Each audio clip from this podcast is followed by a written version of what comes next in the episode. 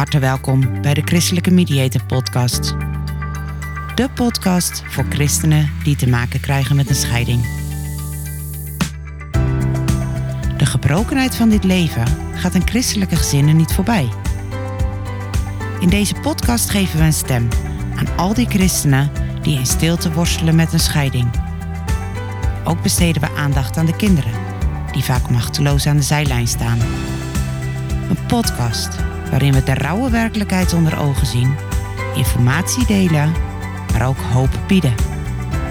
Eerlijk, oprecht en zonder oordeel.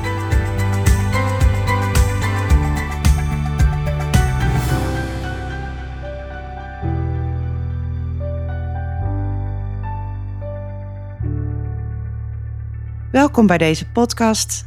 Fijn dat je luistert. Vandaag ga ik in gesprek met Esther. Esther is 45 jaar en na een huwelijk van 15 jaar zat Esther met haar man bij ons aan de mediation tafel. Hun huwelijk was duurzaam ontwricht.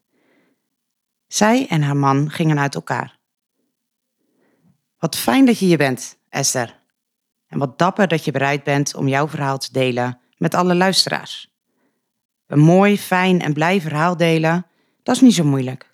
Maar het gesprek voeren over het feit dat je gescheiden bent, is minder eenvoudig. Toen ik je vroeg of je mee wilde werken aan deze podcast, zei je: Ik vind het belangrijk om een stem te geven aan mensen die hiermee worstelen. Echt heel waardevol dat je hier zit en op deze manier bereid bent om andere mensen te helpen. Na een huwelijk van 15 jaar hebben jullie het besluit genomen om te gaan scheiden. Wat ging eraan vooraf? Um, ja, heel veel jaren van um, worstelingen, twijfel en ook wel weer uh, periodes van hoop dat ik dacht van, nou, het gaat echt beter tussen ons. En um, er zijn ook mensen die het uh, veel slechter hebben, dacht ik dan. Ging ik relativeren en ik dacht, nou, het gaat, ja, het gaat wel weer goed. En, maar steeds weer kwam, ja, kwamen de twijfels weer en ook uh, gevoelens van eenzaamheid. Van ja, ik, ik voelde niet meer alsof we echt als uh, man en vrouw samen leefden, maar meer uh, langs elkaar heen. En... Dus vat ik het dan goed samen als ik zeg van joh, er zijn eigenlijk heel veel jaren aan vooraf gegaan. We zijn, ja. we zijn niet over één nacht ijs gegaan. Nee. En dat waren periodes waarin je tussen hoop en wanhoop zat. Ja, ja zeker. Ja.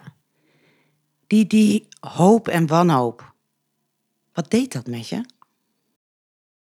Uh, dat maakt je onzeker. In tijden van hoop dan, nou, dan was ik ook wel weer blij. Maar tegelijkertijd was ik ook altijd weer bang dat er weer een periode van wanhoop kwam. Waarin ik het niet meer wist. En wat, dat ik dacht van, uh, ja, hoe moeten we nu verder? En ook, ja, wat wil God met ons huwelijk? Dat, dat was ook altijd voor mij een uh, grote worsteling. Ja. Want jullie zijn allebei, zijn jullie uh, overtuigd christen? Ja. En uh, we spraken elkaar net al even en toen gaf je ook aan van joh, ik heb daar wel heel erg mee geworsteld en, en, en de zoektocht gehad van ja, wat, wat is Gods plan dan met ons huwelijk? Ja. Kan je daar iets over vertellen, over die zoektocht? Want ik denk dat ja. je daar helaas niet de enige in bent die die, nee. die zoektocht heel erg uh, heeft. Nee. Vertel eens. Ja, ik denk dat als ik geen christen was, dat de keuze wat um, makkelijker was geweest om uit elkaar te gaan. Dat weet ik natuurlijk niet zeker, maar vooral um, omdat ik christen ben en heel graag wil doen wat, wat, wat God van mij vraagt, vond ik het echt heel moeilijk. En dat ik ook heel vaak bad en ook vriendinnen baden voor me. En dat ze ook zeiden, ja, God kan, kan genezen, kan, kan, kan het goed maken. En daar hoopte ik ook op en daar bad ik ook voor. Van Heer, als u wilt dat, dat we verder gaan en, en wilt u het dan beter maken? Wilt u ons veranderen? En, maar daar bleef ik op wachten. En ja, ik kreeg steeds meer die worsteling van ja, wat moet ik nou doen? Ik krijg geen antwoord van God. En ik ervaarde wel dat hij ons hielp, gewoon dagelijks ook. En, en, maar uh, mijn gevoel werd niet anders. Mijn hart ging steeds meer op slot. En ik wist gewoon zelf niet meer hoe ik mijn hart open moest stellen. En dat vroeg ik dan ook aan God: wilt u het openmaken? En eigenlijk wilde ik dat zelf helemaal niet meer. Want ik had zoiets van, ja, het is, het is gewoon klaar. Maar ik wist gewoon niet wat ik moest doen. Want eigenlijk was er geen keuze. Want scheiden was voor mij geen keuze, was geen optie. Want ja, in Gods woord staat duidelijk dat dat niet Gods bedoeling is dat je uit elkaar gaat als man en vrouw. En we hebben elkaar trouw beloofd. En ja, ik geloof dat God ook echt graag wil dat je bij elkaar blijft. Hij heeft een zegen over ons huwelijk gegeven toen we trouwden.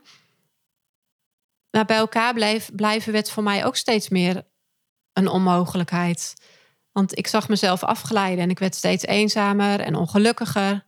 Uh, vaak s'nachts huilen. En ja, dus was, dat was echt mijn strijd. Je zegt van joh, hey, ik heb daar ehm, met vriendinnen ook over gesproken. Vriendinnen baden voor mij. Ja. Was dat een drempel om dat bespreekbaar te maken met je vriendinnen? Ehm, nee, met ehm, een aantal vriendinnen niet. Waar ik het als eerste mee deelde, daar kan ik eigenlijk bijna alles tegen zeggen. En zij wisten ook wel al, ja, al vrij snel vanaf het begin dat, dat, dat ik het moeilijk vond, mijn relatie met, uh, met mijn man. En, maar we, we hebben ook gemeenschappelijke vrienden. En daar vond ik het eerst wel moeilijk om tegen te zeggen. En dat heb ik ook heel lang niet gedaan. Want ik dacht, ja, ik wil niks negatiefs uh, zeggen over de ander. En um, dus ja, laat ik het maar niet zeggen. Want um, ik wil de vriendschap niet, ja, de vriendschap met ons allebei niet op het spel zetten. En, uh, maar op een gegeven moment, ja, daar zitten ook een paar hele goede vriendinnen tussen. En dacht ik wel van ja, maar ze weten eigenlijk van niks. En dat voelde ook heel eenzaam en naar hun toe. En dat ik altijd dacht, ze zouden dus moeten weten. Zij denken dat wij het heel leuk hebben samen, maar dat is helemaal niet zo. Die opmerking kregen we ook wel regelmatig van vrienden: van jullie zijn echt zo'n grappig stel. En dat deed mij dan zeer, want ik dacht, oh, je zou eens moeten weten.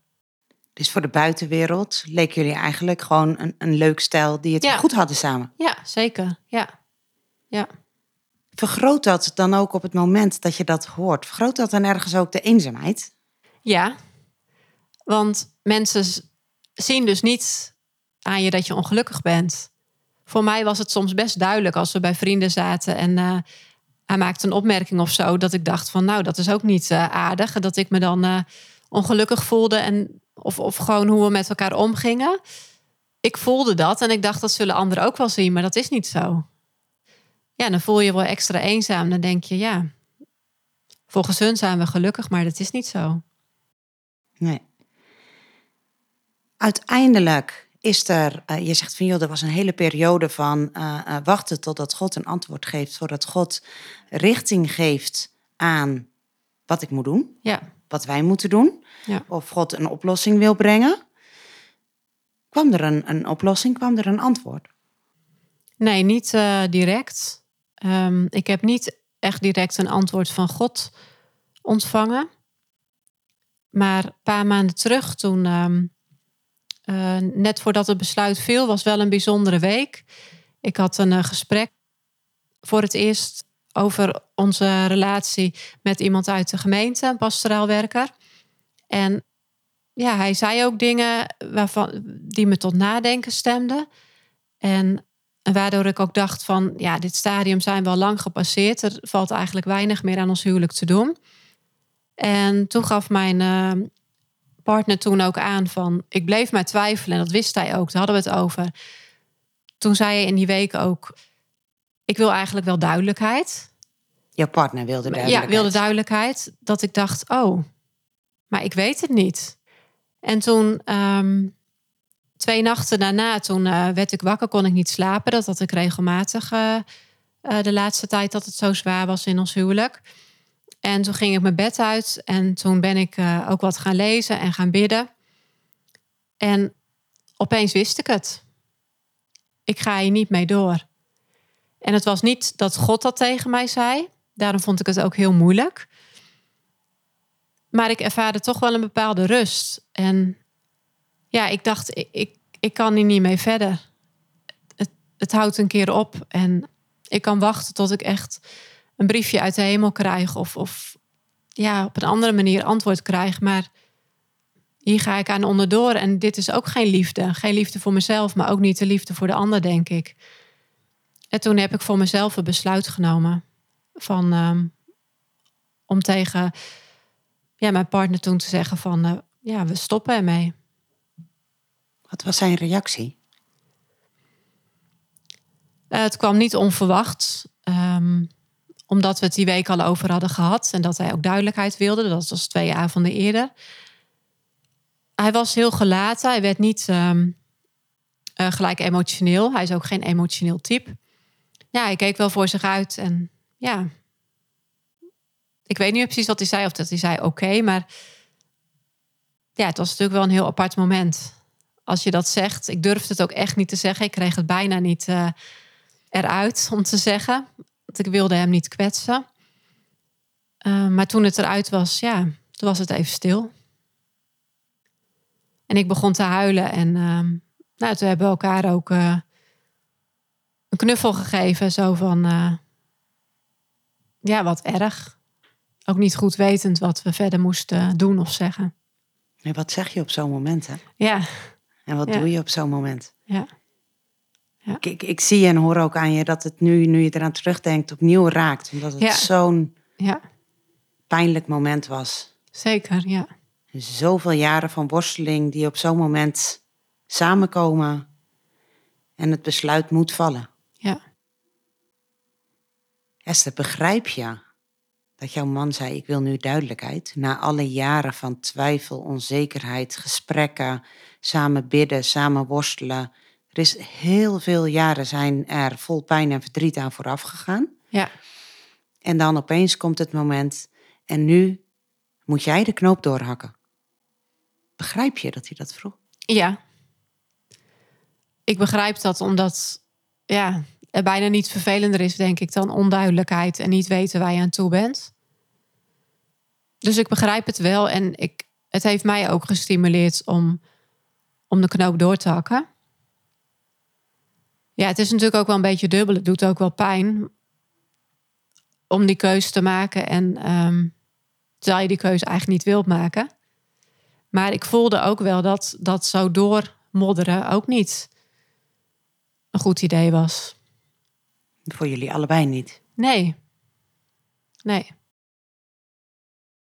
Jouw man, toen nog jouw man, ehm, zei tegen jou van jij moet een keus maken.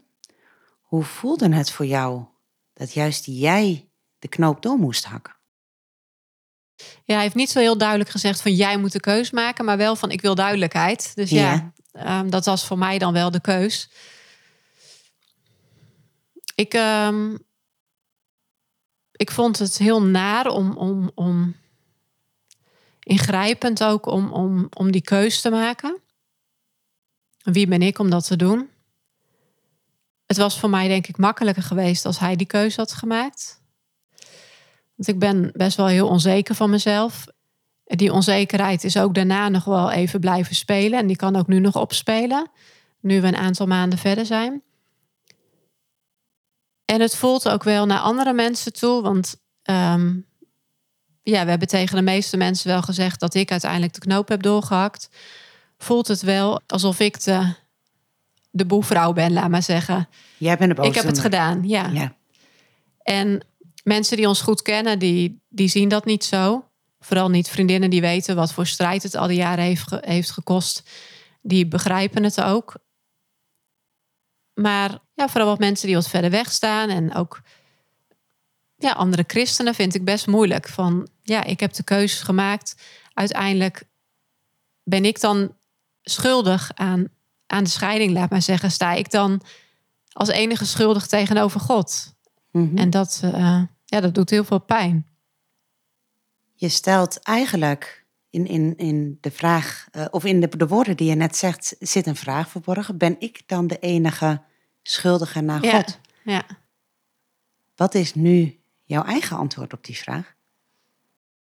Ehm, nou ja, met mijn, met mijn ratio, met mijn verstand weet ik dat dat niet zo is. Want ehm, ja, ze zeggen wel eens als, als een huwelijksstrand zijn beide schuldig eraan. Er zullen misschien best uitzonderingen zijn, maar nee, ik geloof dat we allebei. ehm, ja, schuldig is natuurlijk een heel groot woord. Maar laat ik het zo zeggen dat we allebei tekort hebben geschoten en tekort zijn geschoten naar elkaar toe. En dat we niet van ons huwelijk hebben kunnen maken wat we ervan wilden maken misschien. En ja, niet de verwachting hebben waar kunnen maken. Maar gevoelsmatig kan het nog best wel eens voelen alsof, ja, wat heb ik gedaan? Vooral de eerste weken nadat ik uh, verhuisd was en alleen woonde. Ehm, dat ik me wel ging realiseren, wat heb ik allemaal overhoop gehaald en hoeveel pijn heb ik aangericht. Ja, ik denk dat dat wat tijd nodig heeft voordat dat echt slijt. Dus je zegt van, joh, nu maanden later doet het nog steeds pijn. Ja. En, en kan ik nog steeds wel uh, op, op een bepaalde manier worstelen. Ja met ehm, alle gevolgen die ehm, de uiteindelijke beslissing met zich mee hebben gebracht. Ja, ja. Ik ben ook iemand die zich gauw schuldig voelt. Dat, uh, ja, dat herken ik ook. Eh, dat is wel een patroon in mijn leven. Maar uh, ja, dat, dat, dat speelt hier ook echt, echt wel een rol, die schuldvraag.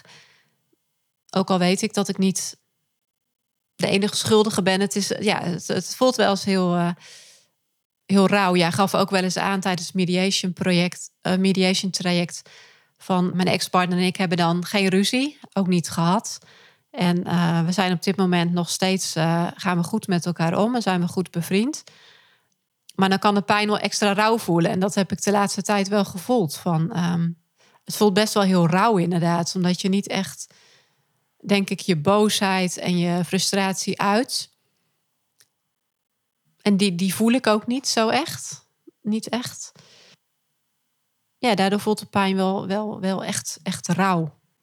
Ja, waar we het, het eigenlijk ook tijdens het mediation traject wel over hebben gehad, is in, in geval van een scheiding kan er soms sprake zijn van een heleboel boosheid. Ja. Boosheid omdat Ehm, wat je al die jaren hebt gemist. Boosheid dat jullie staan op het punt waar jullie staan.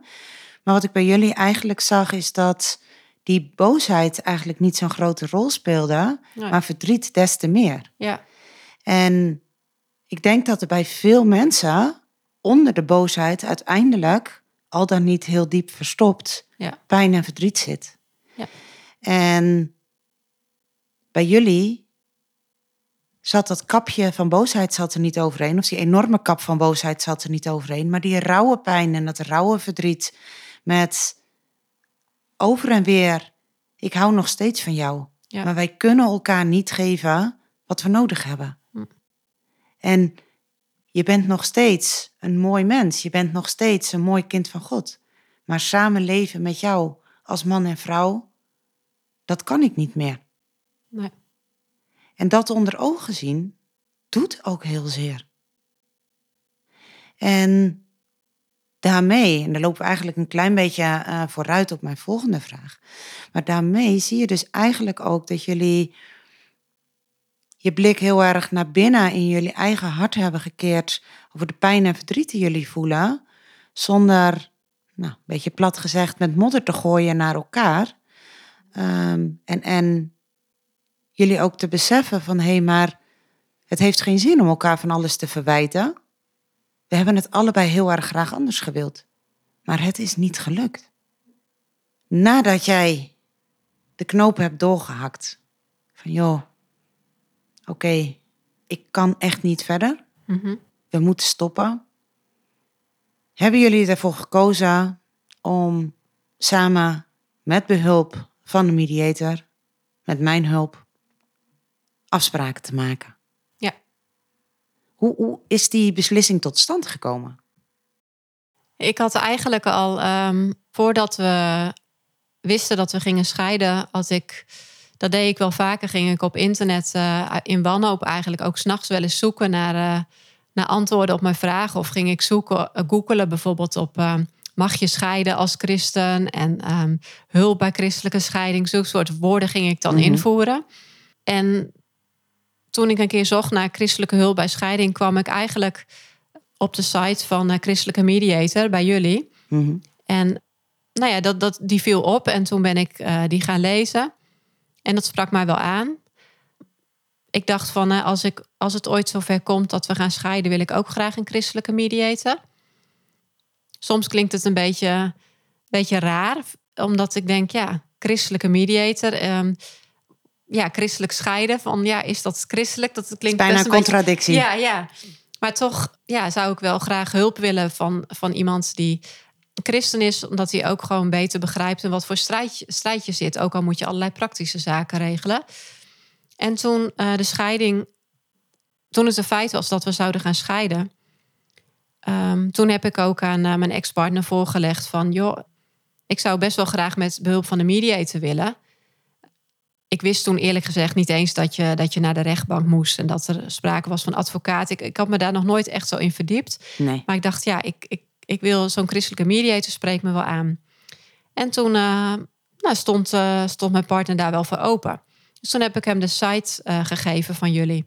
En dat las hij. En hij vond het eigenlijk ook wel goed eruit zien. En toen, hij was nogal praktisch en nuchter. En van, kom op, gaan we gelijk actie ondernemen. Ja. Dus ehm, toen hebben we gelijk contact opgenomen. En toen is het balletje gaan rollen. En toen kwamen jullie voor het eerst aan tafel. Ja. Een eerste gesprek is altijd spannend. Ja. Uh, het is niet voor niks natuurlijk dat we als eerste altijd gewoon een vrijblijvend kennismakingsgesprek doen. En even kijken van joh, um, wie zijn jullie? Um, wie ben ik? Wat hebben jullie nodig? Waar zijn jullie naar op zoek? Maar ook, en dat is in, in veel facetten in het leven belangrijk, maar ik denk zeker in een proces als scheiden, dat je ook kunt voelen van hé, hey, de website kan er dan wel goed uitzien. Ja. Um, maar voel ik me ook vertrouwd? Voel ik me ook op mijn gemak? En heb ik er vertrouwen in dat we het uh, met behulp van deze mediator samen op een goede manier kunnen regelen? Ja. Je zei het net al een beetje, er moet eigenlijk ook praktisch een heleboel geregeld worden. En dat terwijl de emoties um, om voorrang vechten. Ja. Hoe was dat voor je? Um, dat was lastig, want um, uh, tijdens de sessies dat we bij, uh, bij jou zaten, kwam bij mij ook wel eens de emotie naar boven. Maar ik had het gevoel dat dat er ook mocht zijn. Er was ook ruimte voor. Maar het is lastig en daarom is het um, heel fijn om, om een mediator te hebben. En ik zou dat ook zeker niet om reclame te maken voor jou, maar zelf zou ik dat anderen ook aanbevelen. Omdat, um, nou ja, daar hebben we het ook wel eens over gehad tijdens de mediation volgens mij. Als je allebei een advocaat hebt, sta je toch meer tegenover elkaar. En dat wilden we niet. We wilden juist samen een oplossing zoeken. En ik denk, ja, ook vanuit ons christen zijn, wilden we ook gewoon graag het beste voor elkaar. Van hoe kan je het beste nou de afspraken maken zodat we het allebei gaan redden straks. Financieel, praktisch. Maar ja, dan vliegt dat emotionele wel vooral bij mij steeds, steeds doorheen. Maar doordat daar ook uh, wel ruimte voor was, ja, was dat ook oké. En is het gewoon super dat, dat, um, dat een mediator wel, wel de zaken uh, wel het overzicht houdt, laat maar zeggen. Zodat het toch geregeld uh, wordt wat er geregeld moet worden. En uh, als wij dan emotioneel zijn, dat geeft dan niet per se als jij maar ja, het overzicht blijft houden. Ja, precies. Dus dat je even af mag wijken van um, wat er al dan niet op een agenda staat. Dat Ja. de emoties er mogen zijn en dat um, de mediator uiteindelijk uh, het wel weer terugpakt. En Ja. dat ik jullie help Ja. om te zorgen van hé, hey, en wat lukt wel vandaag? Of wat moeten we gewoon eventjes opschuiven naar een andere keer, omdat het even niet lukt. Nee, Wat ook kan. ja. Maar het ging eigenlijk heel goed, vond ik. Ja, Nou, ik, ik, ik denk uh, dat jullie trots mogen zijn op um, uh, hoe jullie het geregeld hebben. Als, als ik kijk, wat je zelf ook al zegt, we gunden elkaar. We wilden dat we allebei venden konden. Um, Ja. Ook praktisch, ook financieel, ook emotioneel. Jouw man, jouw toen nog man, um, had een eigen bedrijf. Ja. Waar hij dagelijks in werkte. En jullie waren getrouwd in gemeenschap van goederen. Nou, dat is voor veel mensen best wel een, een grote zorg. Van nou, hoe moet dat dan geregeld worden? Um, was dat voor jullie voordat het besluit genomen was dat jullie gingen scheiden, of voordat jullie aan de mediation tafel, een punt van zorg? Um, nee, voor mij, voor mij niet. En ik denk voor mijn ex-partner ook niet, omdat hij. Ik was eigenlijk altijd al heel duidelijk geweest. Ik weet niet of ik dat echt heb uitgesproken, echt voordat we wisten dat er problemen waren. Maar in ieder geval wel op een gegeven moment was het wel duidelijk van um, jij kunt gewoon jouw bedrijf laten blijven doen. En daar wil ik geen aanspraak op maken.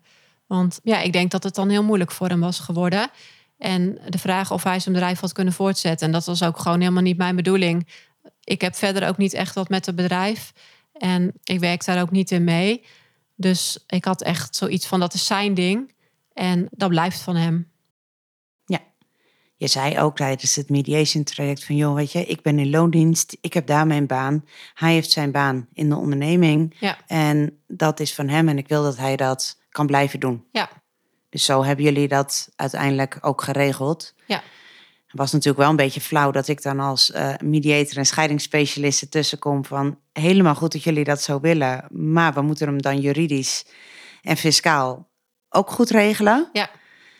Maar uiteindelijk is gelukkig dat ook gelukt. Ja. En uh, heb jij jouw baan in loondienst en heeft uh, hij zijn onderneming die Ja. ehm, aan hem is toebedeeld eigenlijk Ja. bij de scheiding. Ja.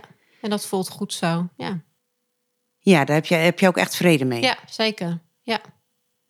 Waren er verder dingen tijdens het scheidingstraject waarvan je zegt van joh, daar had ik nou nooit rekening mee gehouden? Of zijn er dingen die je verbaasd hebben? Ja, zeker wel. Inderdaad, inderdaad, met dat het dan zo officieel een verzoek naar de rechtbank gaat. Dat ik denk, wow, dit is echt wel heel officieel. Ehm, ja, en, en gewoon ook alle. ehm, kijk, je, je, je weet van tevoren wel van, nou ja, weet je, huis moet je een oplossing zoeken. eh, hoe je het allebei financieel gaat trekken. Wie waar blijft wonen. Maar dat, ja, ik zit even te denken of ik nu echt een voorbeeld kan noemen. Maar inderdaad wel dat, dat het met de onderneming, eh, hoe het geregeld moest worden. Nou, dat zou ik zelf echt niet hebben gedacht. En dat heb jij dan ook overlegd, ook met onze boekhouder. Dan denk ik, ja, dan ben ik blij dat ik dat zelf niet allemaal hoef uit te dokteren. En ik begreep ook niet helemaal alles, alle artikelen. Maar jij hebt het wel allemaal met ons doorgenomen. En nou ja, snapte ik het redelijk. Denk ik, nou, dat is goed. Nee, ik had alles echt zelf nooit, nooit, nooit bedacht. Vooral niet wat dan in het vaststellingsovereenkomst staat, al die artikelen. Waar je rekening mee moet houden. Ook juridisch en zo. Dus ehm, Nee, dus je, je zegt van joh, ik, ik, eh, er moest zoveel geregeld worden en dat moest dan ook nog allemaal juridisch vastgelegd. Dat had ik nooit begrepen. nee, Uiteindelijk waren de hoofdlijnen voor mij helder. ja. En was het fijn dat jullie uiteindelijk niet naar de rechtbank hoefden? Ja. Ehm, ik denk dat dat wel heel heftig zou zijn. Ik, ik, ja, ik ben ooit wel eens tijdens mijn studententijd op een rechtbank geweest. Maar dat was meer... eh, dat waren geen scheidingen volgens mij. Maar nee, ik, ben wel heel blij dat dat, dat dat niet hoefde. Dat geeft toch extra veel pijn en verdriet, denk ik. Nee, het was fijn dat het zo, zo geregeld kon worden. Ja, ik kan me voorstellen dat mensen die luisteren dat niet precies weten. Hm. Maar op het moment dat je met behulp van een mediator ehm, uit elkaar gaat, dan worden alle afspraken die je met elkaar maakt, worden in een juri- juridische overeenkomst gezet. En die ondertekenen jullie en die gaat uiteindelijk naar de rechtbank. Jullie hoeven zelf niet naar de rechtbank. Je krijgt eh, op het moment dat de rechtbank jullie zaak behandeld heeft, zo zakelijk is het eh, voor Ja. de rechtbank. Ja. Als ze die eh, behandeld hebben, dan krijgen jullie van de ehm, rechtbank een bericht Ja. dat het behandeld is. Ja. En ehm, nou, je zei toen al van, joh, ik ben echt blij dat ik niet naar de rechtbank hoef. Maar dat weet ik al niet meer. Eh, en, en- en je man zei ook van, nou, ik zie mezelf daar nou ook niet zitten hoor. Oké. Ja. Is het nou uiteindelijk het praktische deel? Is dat meegevallen of tegengevallen? Ja, achteraf heb je gouden neiging om te zeggen het is meegevallen omdat het dan achter de rug is. Maar het was best pittig. Ik vond het vooral pittig om. Want in principe deed jij het werk, maar het was meer dat wij de stukken moesten aanleveren. Het was wel, ehm, je moest wel echt veel, veel stukken aanleveren. Van je loonstrookje tot, ehm, mm, tot je banksaldo, laat maar zeggen. Ja. Alle informatie over de woning. Eh, wij hadden dan een koopwoning. Dus dat was af en toe wel eventjes ehm, eh, hard werken. Maar ja, achteraf valt het dan mee als je dat allemaal zelf natuurlijk uit moet zoeken. Ja, dat, lukt je denk ik ook niet. Maar eh, tenminste, dat, daar moet je wel echt verstand van hebben. Eh, dan was het wel een hele klus geweest. En natuurlijk na, nadat de stukken en zo, nadat dingen geregeld zijn, moet je zelf natuurlijk ook nog allerlei praktische dingen regelen. Wij zijn ook allebei, eh, hebben we financieel advies ingewonnen. Dus daar moet je ook weer allerlei stukken voor aanleveren. Je moet ook nadenken over, over dingen die je doet, hoe je dingen besluit. Dat vond Ja. ik best, eh, best pittig, ja. Maar nu achteraf denk ik van, door hulp van mediation en ook ehm, de hulp van uh, financieel adviseur is het toch, en de boekhouder ook, die vooral uh, mijn ex-partner heeft geholpen bij het bedrijf. Ja, is het toch, is het toch te doen omdat je, ja, dat je hulp, hulp krijgt. Ja, dus je zegt, joh, die hulp die had ik echt wel nodig. Ja, zeker. Het, het praktische uh, met al het aanleveren van de stukken vond ik een hele klus. Ja. Maar vervolgens kom je dan ook nog voor de klus te staan dat je het samen eens moet worden over een heleboel vraagstukken. Um, welke afspraken gaan jullie maken? Je zei net al de onderneming van joh, daar waren we snel uit. Uh, maar er moeten ook afspraken gemaakt worden. Wie gaat waar wonen? Um, er moeten afspraken gemaakt worden over het pensioen. Nou, noem zo maar op. Hoe heb je dat proces ervaren? Ja, eigenlijk ging dat vrij makkelijk. Ik, ik, ja. Mijn partner wilde graag uh, in de koopwoning blijven wonen op de plek. En ik had juist zoiets van: ik wil opnieuw beginnen. Dus ik ga een huurwoning zoeken. Dus daar waren we eigenlijk vrij snel uit. Pensioenen, ja, daar waren we ook uh, wel vrij snel uit hoe we dat gingen, gingen doen. Hoe we dat, of we dat wel of niet gingen verdelen. Ook na, daar hebben we natuurlijk wel advies van jou gekregen. Van hoe werkt dat? Hoe zit dat precies? Wat kun je doen? Um, dus de keuzes die we moesten maken waren niet heel moeilijk. Ook de inboedel zouden we gewoon zelf verdelen, omdat we geen ruzie hadden. En ja, dat is zo, ja, dat is heel helpend geweest dat we elkaar dingen gunden. Anders wordt het natuurlijk ingewikkelder als je bijvoorbeeld iets hebt in huis wat je allebei heel graag wilt hebben. En dan ga je daaraan trekken en maak je daar misschien ruzie over, dan, dan wordt het ingewikkelder. Maar dat hadden we eigenlijk allebei niet. We hebben eigenlijk ja, mensen denken misschien is dat, kan dat niet of zo. Maar ik denk dat we niet over iets ruzie hebben gemaakt, iets praktisch of zo. Ik heb niet gehoord. Nee. Dus als jullie dat gedaan hebben, was dat thuis. En dat betekent natuurlijk niet dat alles zomaar uh, koek en ei is. Anders waren we waarschijnlijk ook niet gescheiden. Maar um, en natuurlijk is er, veel, is er wel veel, ja, moet je dat zeggen? We beleven de dingen heel anders, ook vooral emotioneel. Maar het voordeel is denk ik dat wij allebei niet echt hechten aan, aan, aan, aan spullen. En um, waar ik wel aan hecht is bijvoorbeeld foto's en um, kaarten, persoonlijke dingen. Maar dat als mijn ex-partner bijvoorbeeld niet. Dus dat was gewoon heel makkelijk. Ja. En ik had het idee dat hij veel waarde aan hecht om, en dat, dat is ook zo, uh, uh, de dingen laten zoals ze zijn. Dus ik heb daar ook de meeste spullen gelaten en heb ik zelf nieuwe dingen gekocht. Dus ja, daar waren we het ook over eens. Dus dat, dat loopt dan uh, toch soepel. En dat zie ik echt wel ook als, ja, als een zegen dat, we, dat dat wel goed is gelopen. Ja. Ja. Nou, dan moet ik, moet ik ook zeker zeggen. Ik zie natuurlijk dagelijks uh, mensen bij ons aan tafel die uit elkaar gaan. En als het gaat over het elkaar iets gunnen, uh, was dat bij jullie uh, steeds opnieuw aan de orde. En ook niet van één kant, maar van twee kanten. Wat het ja. bij jullie zeker heeft, praktisch gezien, eenvoudig heeft, eenvoudiger heeft gemaakt. Ja. Om tot afspraken te komen. En natuurlijk waren het een heleboel punten als het ging over partneralimentatie. Van joh, hoe zit dat nou precies? Ja. Kun je ons helpen? Wat, wat doet recht? Ja. Um, maar ook daarbij was het eigenlijk al, al heel snel van oké, okay, als dit is wat recht doet. Ik denk dat er bij jullie daarin ook een, een groot vertrouwen was in mij als mediator. Dat op Ja. het moment dat ik zei van hé, hey, dit, is, dit doet recht aan jullie allebei. Dan geloofden jullie dat ook. Ja. En dan vertrouwden jullie daarop. En uh, konden we eigenlijk al vrij snel door naar het volgende punt. Um, wat er vanuit mijn perceptie toe heeft geleid dat jullie op, op praktisch stuk um, allebei ook echt op een gezonde manier uh, verder kunnen. Ja. Um, vanuit de situatie waar jullie uh, kwamen. Ja. Een grote zorg, weet ik nog, tijdens het hele mediation traject was. Ja, en het vinden van een huurwoning voor mij. Ja. Ja. Daar heb je echt wel uh, zorg over gemaakt, hè? Ja.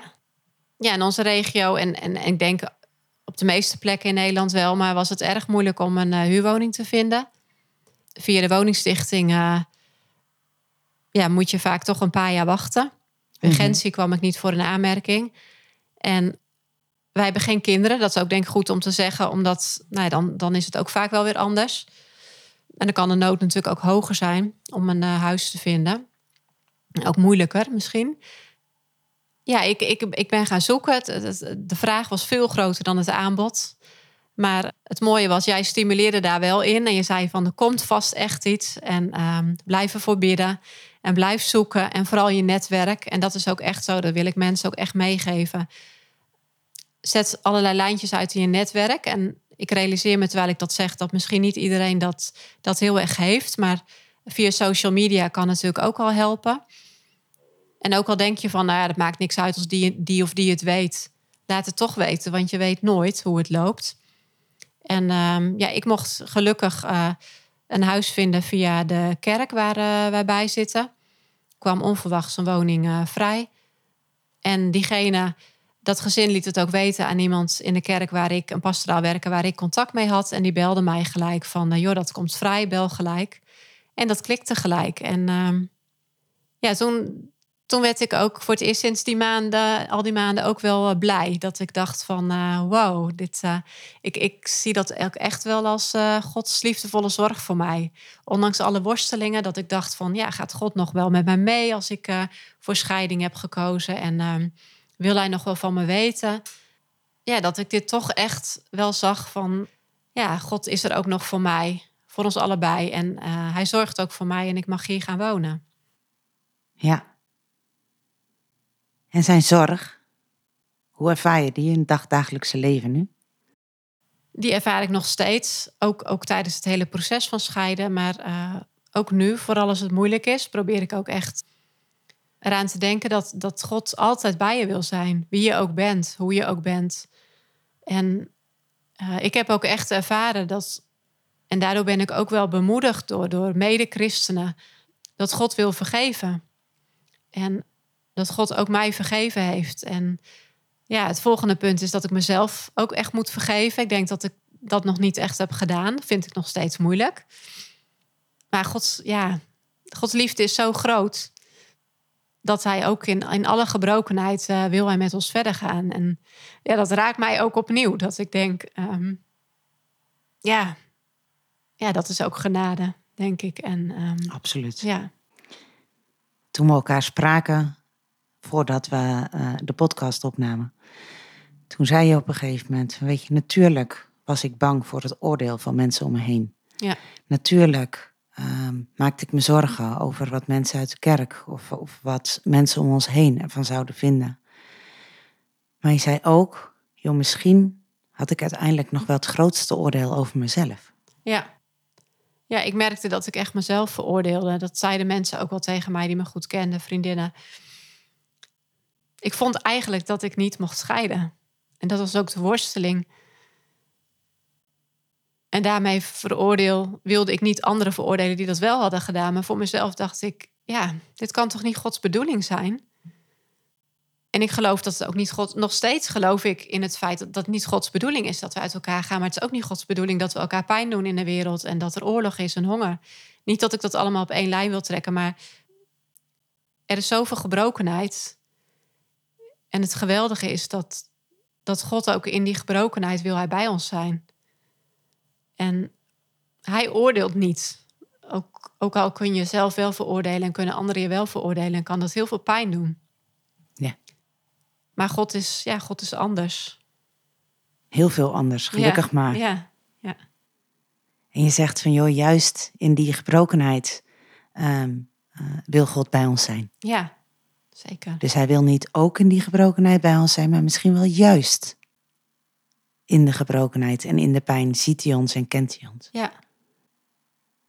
Hoe gaat het nu met je? We zijn nu een paar maanden verder. Ja. Je hebt je eigen huisje, je woont in je eigen huisje. Ja. Sterker nog, we zitten nu in je eigen huisje. Ja. Ja, ik, ik vertelde straks tegen je van. Uh, ik had gisteren eigenlijk een momentje van blijdschap. Dat ik voor het eerst. Ik woon hier nu uh, ruim een maand. En we zijn officieel. Ja, wat is het? Nog maar twee weken, denk ik. Uh, Zo'n beetje gescheiden. Um, dat duurt even voordat het allemaal rond is. Ja. maar. Um, ja, gisteren was ik hier in huis bezig. Ik had de hele tijd het gevoel van. Ja, wat doe ik hier? En. Um, ik voel me hier nog niet thuis. Dit is ook niet wat ik wil, hier alleen zitten. Maar gisteren was ik even bezig um, in huis met een uh, schilderij ophangen. Ja, daar werd ik even blij van. Dat ik dacht, ja, hoe langer ik hier bezig ben in huis en uh, ga ik langzamerhand, ja, ga ik me hier ook nestelen, laat maar zeggen. En ja, hoop ik ook echt dat ik hier uh, alleen samen met God ook uh, mijn draai mag vinden. Dus dat het in plaats van dat je voelt alsof je een soort van in een vakantiehuisje zit, dat het een thuis mag worden ja. waar je je op je gemak mag voelen en waar je mag weten en ervaren dat God ook hier ja. bij je is en ook in deze fase van je leven met je meegaat. Ja, zeker. Dat geloof ik nu ook echt, dat hij met ons allebei meegaat. Ja.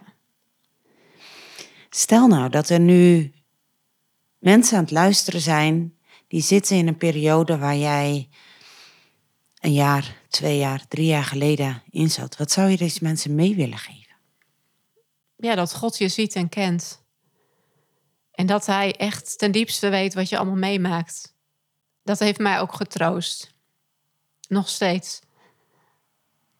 En ja, dat je alles met Hem kan delen. Hoe raar of hoe gek het misschien ook, ook, ook is. En dat je alles, ja, alles bij hem kwijt kan en dat hij je echt wil helpen. Dat laat hij in de Bijbel ook zien. Uh, dat hij mensen helpt. Dat hij ook weer, zoals met het volk van Israël, ook weer meegaat, ook al waren ze ongehoorzaam. En dat is voor mij ook echt een troost. Dat ik denk van, uh, ja, we zijn nu gescheiden en dat was niet Gods bedoeling, geloof ik, maar hij is er nog steeds.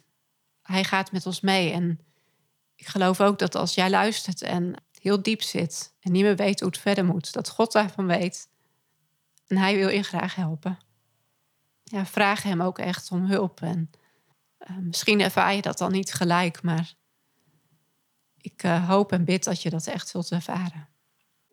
Wat een ontzettend liefdevolle en mooie woorden. Je zei het eigenlijk halverwege deze podcast, zei je het al. Het klinkt zo als een, een contradictie eigenlijk, christelijke mediator. Maar juist hiervoor, juist voor mensen zoals jou en jouw ex-man inmiddels, juist daarvoor um, zijn wij ons bedrijf gestart. En juist daarvoor um, starten wij ook deze podcast, omdat we ons bewust zijn van de enorme worsteling die er vaak aan vooraf gaat. De eenzaamheid, de pijn, het verdriet. En daarin willen we toch een stukje hoop, licht en uitzicht en vooral het oog op God bieden. Dus wij zijn geen christelijke mediator die um, het scheiden willen promoten, geen zin. Wij hopen het, het lief, wij willen het liefst dat iedereen gelukkig is in zijn of haar huwelijk. Maar we weten ook dat de realiteit soms zo anders is. En daarvoor zijn we er. Esther, ik wil je ontzettend danken um, voor het delen van je verhaal. Ik ben ervan overtuigd dat het je gelukt is om jouw missie een stem geven aan mensen die worstelen uh, in een vergelijkbare situatie, dat die missie is gelukt. En ik wil je heel erg danken voor je openheid en voor je vertrouwen. En ik wens je jou en jouw ex-man God zegen op de rest van je levensweg. Dankjewel. Jij ook bedankt, ook God zegen. Anneloes. Dank voor het luisteren naar de Christelijke Mediator podcast. Mocht je behoefte hebben aan advies of aan een luisterend oor, schroom niet. Neem vooral even contact op. Dat kan via www.christelijkemediator.nl. We helpen je graag. Je staat er niet alleen voor. Wil je geen aflevering meer missen? Abonneer je dan op de podcast in je favoriete luisterapp.